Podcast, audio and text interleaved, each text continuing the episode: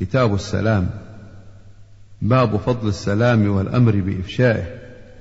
قال الله تعالى يا أيها الذين آمنوا لا تدخلوا بيوتا غير بيوتكم حتى تستأنسوا وتسلموا على أهلها. النور. وقال تعالى فإذا دخلتم بيوتا فسلموا على أنفسكم تحية من عند الله مباركة طيبة. النور. وقال تعالى وإذا حييتم بتحية فحيوا بأحسن منها أو ردوها. النساء. وقال تعالى هل أتاك حديث ضيف إبراهيم المكرمين؟ إذ دخلوا عليه فقالوا سلاما. قال سلام. الذاريات. وعن عبد الله بن عمرو بن العاص رضي الله عنهما أن رجلا سأل رسول الله صلى الله عليه وسلم أي الإسلام خير؟ قال تطعم الطعام وتقرأ السلام على من عرفت ومن لم تعرف. متفق عليه. وعن أبي هريرة رضي الله عنه عن النبي صلى الله عليه وسلم قال لما خلق الله تعالى آدم صلى الله عليه وسلم قال اذهب فسلم على أولئك نفر من الملائكة جلوس فاستمع ما يحيونك فإنها تحيتك وتحية ذريتك. فقال السلام عليكم. فقالوا السلام عليك ورحمة الله. فزادوه ورحمة الله. متفق عليه. وعن أبي عمارة البراء بن عازب رضي الله عنهما قال أمرنا رسول الله صلى الله عليه وسلم بسبع بعيادة المريض واتباع الجنائز وتشميت العاطس ونصر الضعيف وعون المظلوم وإفشاء السلام وإبرار المقسم متفق عليه. هذا لفظ إحدى روايات البخاري. وعن أبي هريرة رضي الله عنه قال قال رسول الله صلى الله عليه وسلم لا تدخلوا الجنة حتى تؤمنوا ولا تؤمنوا حتى تحابوا أولا أدلكم على شيء إذا فعلتموه تحاببتم؟ أفشوا السلام بينكم. رواه مسلم. وعن أبي يوسف عبد الله بن سلام رضي الله عنه قال سمعت رسول الله صلى الله عليه وسلم يقول يا أيها الناس أفشوا السلام وأطعموا الطعام وصلوا الأرحام وصلوا والناس نيام تدخلوا الجنة بسلام. رواه الترمذي وقال حديث حسن صحيح. وعن الطفيل بن أبي بن كعب أنه كان يأتي عبد الله بن عمر فيغدو معه إلى السوق. قال فإذا غدونا إلى السوق لم يمر عبد الله على سقاط ولا صاحب بيعة ولا مسكين ولا أحد إلا سلم عليه. قال الطفيل فجئت عبد الله بن عمر يوما فاستتبعني إلى السوق فقلت له ما تصنع بالسوق؟ وأنت لا تقف على البيع ولا تسأل عن السلع ولا تسوم بها ولا تجلس في مجالس السوق. وأقول اجلس بنا ها هنا نتحدث. فقال يا أبا بطن وكان الطفيل ذا بطن. إنما نغدو من أجل السلام فنسلم على من لقيناه. رواه مالك في الموطأ بإسناد صحيح. باب كيفية السلام. يستحب أن يقول المبتدئ بالسلام السلام عليكم ورحمة الله وبركاته. فيأتي بضمير الجمع. وإن كان المسلم عليه واحدا ويقول المجيب وعليكم السلام ورحمة الله وبركاته. فيأتي بواو العطف في قوله وعليكم. عن عمران بن الحصين رضي الله عنهما قال جاء رجل إلى النبي صلى الله عليه وسلم فقال السلام عليكم. فرد عليه ثم جلس. فقال النبي صلى الله عليه وسلم عشر. ثم جاء آخر فقال السلام عليكم ورحمة الله. فرد عليه فجلس فقال عشرون. ثم جاء آخر فقال السلام عليكم ورحمة الله وبركاته. فرد عليه فجلس فقال ثلاثون. رواه أبو داود والترمذي وقال حديث حسن. وعن عائشة رضي الله عنها قالت قال لي رسول الله صلى الله عليه وسلم هذا جبريل يقرأ عليك السلام. قالت قلت وعليه السلام ورحمة الله وبركاته. متفق عليه. وهكذا وقع في بعض روايات الصحيحين وبركاته وفي بعضها بحذفها وزيادة الثقة مقبولة. وعن أنس رضي الله عنه أن النبي صلى الله عليه وسلم كان إذا تكلم بكلمة أعادها ثلاثا حتى تفهم عنه. وإذا أتى على قوم فسلم عليهم سلم عليهم ثلاثة. رواه البخاري. وهذا محمول على ما إذا كان الجمع كثير. وعن المقداد رضي الله عنه في حديثه الطويل قال كنا نرفع للنبي صلى الله عليه وسلم نصيبه من اللبن فيجيء من الليل فيسلم تسليما لا يوقظ نائما ويسمع اليقظان فجاء النبي صلى الله عليه وسلم فسلم كما كان يسلم. رواه مسلم. وعن أسماء بنت يزيد رضي الله عنها أن رسول الله صلى الله عليه وسلم مر في المسجد يوما وعصبة من النساء قعود فألوى بيده بالتسليم. رواه الترمذي وقال حديث حسن وهذا محمول على أنه صلى الله عليه وسلم جمع بين اللفظ والإشارة ويؤيده أن في رواية أبي داود فسلم علينا. وعن أبي جري الهجيمي رضي الله عنه قال قال أتيت رسول الله صلى الله عليه وسلم فقلت عليك السلام يا رسول الله. قال لا تقل عليك السلام فإن عليك السلام تحية الموتى. رواه أبو داود والترمذي وقال حديث حسن صحيح. وقد سبق بطوله. باب آداب السلام. عن أبي هريرة رضي الله عنه أن رسول الله صلى الله عليه وسلم قال يسلم الراكب على الماشي والماشي على القاعد والقليل على الكثير. متفق عليه. وفي رواية للبخاري والصغير على الكبير. وعن أبي أمامة صدي بن عجلان الباهلي رضي الله عنه قال قال رسول الله صلى الله عليه وسلم إن أولى الناس بالله من بدأهم بالسلام. رواه أبو داود بإسناد جيد. ورواه الترمذي عن أبي أمامة رضي الله عنه قيل يا رسول الله الرجلان يلتقيان أيهما يبدأ بالسلام؟ قال اولاهما بالله تعالى. قال الترمذي هذا حديث حسن.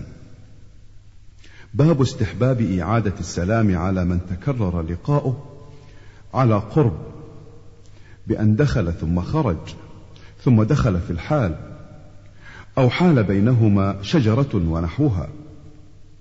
عن أبي هريرة رضي الله عنه في حديث المسيء صلاته أنه جاء فصلى ثم جاء إلى النبي صلى الله عليه وسلم فسلم عليه فرد عليه السلام فقال ارجع فصل فإنك لم تصلي. فرجع فصلى. ثم جاء فسلم على النبي صلى الله عليه وسلم حتى فعل ذلك ثلاث مرات. متفق عليه. وعنه عن رسول الله صلى الله عليه وسلم قال إذا لقي أحدكم أخاه فليسلم عليه. فإن حالت بينهما شجرة أو جدار أو حجر ثم لقيه فليسلم عليه. رواه أبو داود. باب استحباب السلام إذا دخل بيته. قال الله تعالى فإذا دخلتم بيوتا فسلموا على أنفسكم تحية من عند الله مباركة طيبة. النور. وعن أنس رضي الله عنه قال: قال لي رسول الله صلى الله عليه وسلم: يا بني إذا دخلت على أهلك فسلم يكن بركة عليك وعلى أهل بيتك. رواه الترمذي وقال حديث حسن صحيح. باب السلام على الصبيان. عن أنس رضي الله عنه أنه مر على صبيان فسلم عليهم وقال كان رسول الله صلى الله عليه وسلم يفعله. متفق عليه. باب سلام الرجل على زوجته والمرأة من محارمه وعلى أجنبية وأجنبيات لا يخاف الفتنة بهن وسلامهن بهذا الشر. عن سهل بن سعد رضي الله عنه قال كانت فينا امرأة وفي رواية كانت لنا عجوز. تأخذ من أصول السلق فتطرحه في القدر وتكركر حبات من شعير. فإذا صلينا الجمعة وانصرفنا نسلم عليها فتقدمه إلينا. رواه البخاري. قوله تكركر أي تطحن. وعن أم هانئ فاختة بنت أبي طالب رضي الله عنها قالت أتيت النبي صلى الله عليه وسلم يوم الفتح وهو يغتسل وفاطمة تستره بثوب فسلمت وذكرت الحديث رواه مسلم. وعن أسماء بنت يزيد رضي الله عنها قالت مر علينا النبي صلى الله عليه وسلم في نسوة فسلم علينا. رواه أبو داود والترمذي وقال حديث حسن. وهذا لفظ أبي داود ولفظ الترمذي أن رسول الله صلى الله عليه وسلم مر في المسجد يوما وعصبة من النساء قعود فألوى بيده بالتسليم. باب تحريم ابتدائنا الكفار بالسلام وكيفية الرد عليهم واستحباب السلام على أهل مجلس فيهم مسلمون وكفار. عن أبي هريرة رضي الله عنه أن رسول الله صلى الله عليه وسلم قال: لا تبدأوا اليهود ولا النصارى بالسلام. فإذا لقيتم أحدهم في طريق فاضطروه إلى أضيقه. رواه مسلم. وعن أنس رضي الله عنه قال قال رسول الله صلى الله عليه وسلم إذا سلم عليكم أهل الكتاب فقولوا وعليكم متفق عليه. قوله فاضطروه أي ألجئوه بالتضييق عليه إلى أضيقه وعن أسامة رضي الله عنه أن النبي صلى الله عليه وسلم مر على مجلس فيه أخلاط من المسلمين والمشركين عبدة الأوثان واليهود فسلم عليهم النبي صلى الله عليه وسلم. متفق عليه. باب استحباب السلام إذا قام من المجلس وفارق جلساءه أو جليسه. عن أبي هريرة رضي الله عنه قال قال رسول الله صلى الله عليه وسلم إذا انتهى أحدكم إلى المجلس فليسلم فإذا أراد أن يقوم فليسلم فليست الأولى بأحق من الآخرة. رواه أبو داود والترمذي وقال حديث حسن. باب الاستئذان وآدابه. قال الله تعالى يا ايها الذين امنوا لا تدخلوا بيوتا غير بيوتكم حتى تستانسوا وتسلموا على اهلها. النور. وقال تعالى واذا بلغ الاطفال منكم الحلم فليستاذنوا كما استاذن الذين من قبلهم. النور.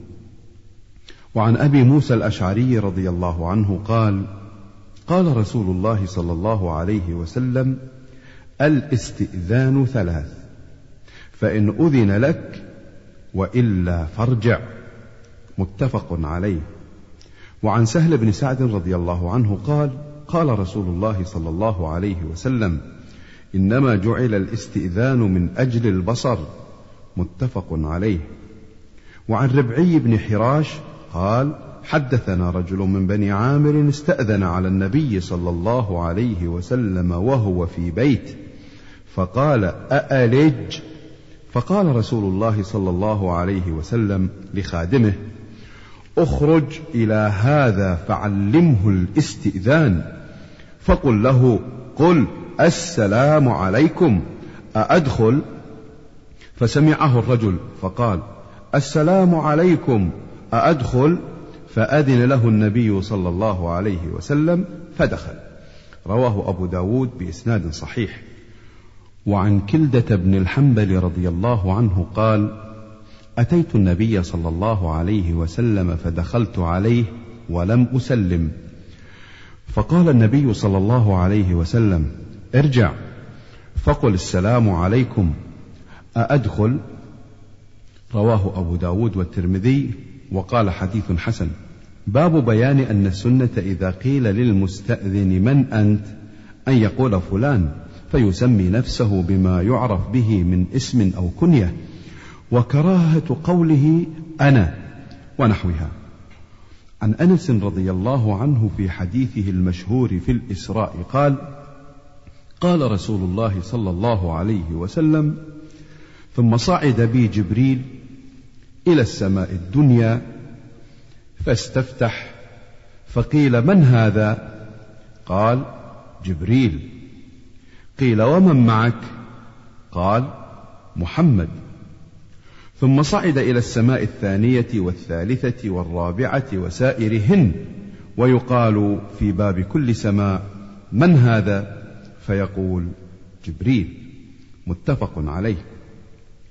وعن أبي ذر رضي الله عنه قال خرجت ليلة من الليالي فإذا رسول الله صلى الله عليه وسلم يمشي وحده فجعلت أمشي في ظل القمر فالتفت فرآني فقال من هذا؟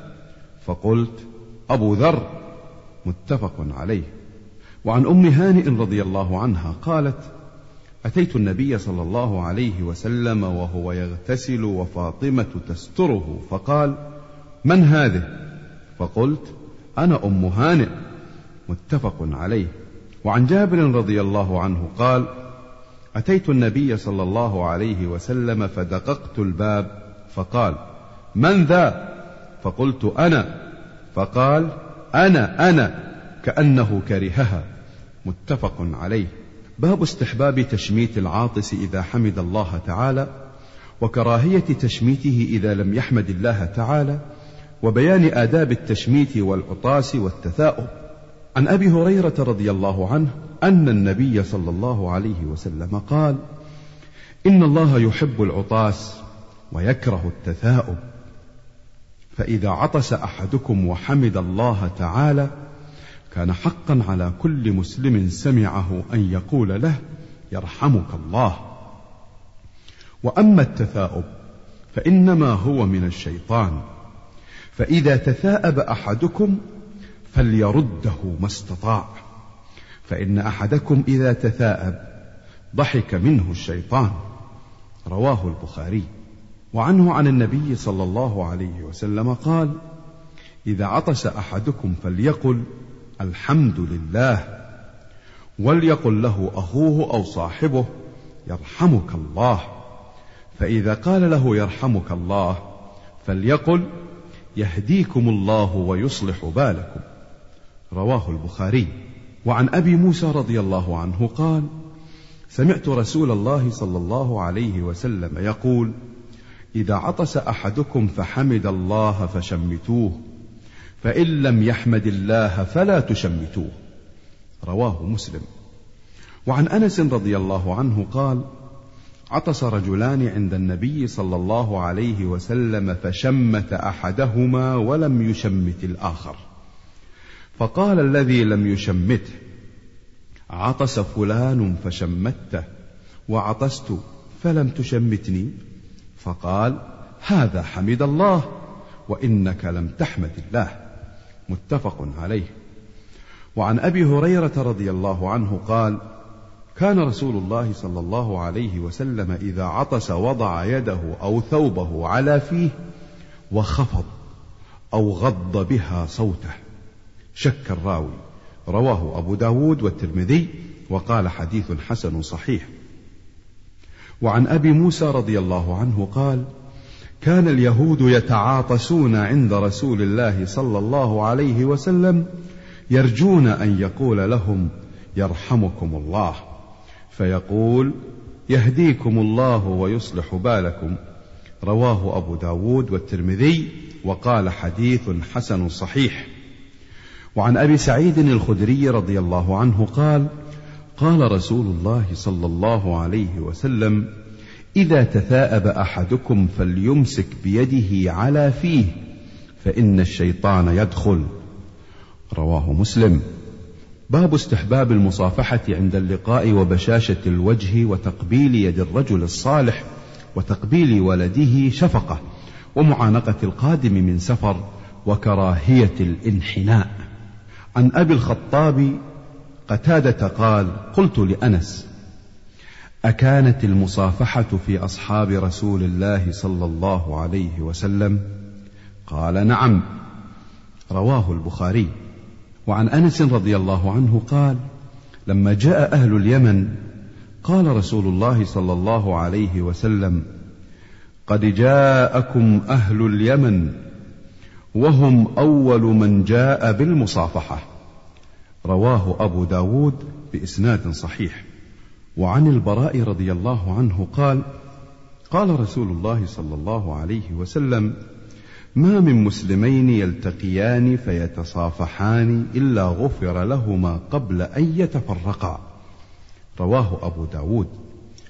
وعن أنس رضي الله عنه قال قال رجل يا رسول الله الرجل منا يلقى أخاه أو صديقه أينحني له؟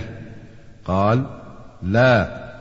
قال أفيلتزمه ويقبله؟ قال لا. قال فيأخذ بيده ويصافحه؟ قال نعم. رواه الترمذي وقال حديث حسن. وعن صفوان بن عسال رضي الله عنه قال قال يهودي لصاحبه اذهب بنا إلى هذا النبي. فاتيا رسول الله صلى الله عليه وسلم فسألاه عن تسع آيات بينات فذكر الحديث إلى قوله فقبلا يده ورجله وقال نشهد أنك نبي رواه الترمذي وغيره بأسانيد صحيحة. وعن ابن عمر رضي الله عنهما قصة قال فيها فدنونا من النبي صلى الله عليه وسلم فقبلنا يده. رواه أبو داود. وعن عائشة رضي الله عنها قالت قدم زيد بن حارثة المدينة ورسول الله صلى الله عليه وسلم في بيتي فأتاه فقرع الباب فقام إليه النبي صلى الله عليه وسلم يجر ثوبه فاعتنقه وقبله. رواه الترمذي وقال حديث حسن. وعن أبي ذر رضي الله عنه قال قال لي رسول الله صلى الله عليه وسلم لا تحقرن من المعروف شيئا ولو أن تلقى أخاك بوجه طليق. رواه مسلم. وعن أبي هريرة رضي الله عنه قال قبل النبي صلى الله عليه وسلم الحسن بن علي رضي الله عنهما. فقال الأقرع بن حابس إن لي عشرة من الولد ما قبلت منهم أحدا. فقال رسول الله صلى الله عليه وسلم من لا يرحم لا يرحم. متفق عليه.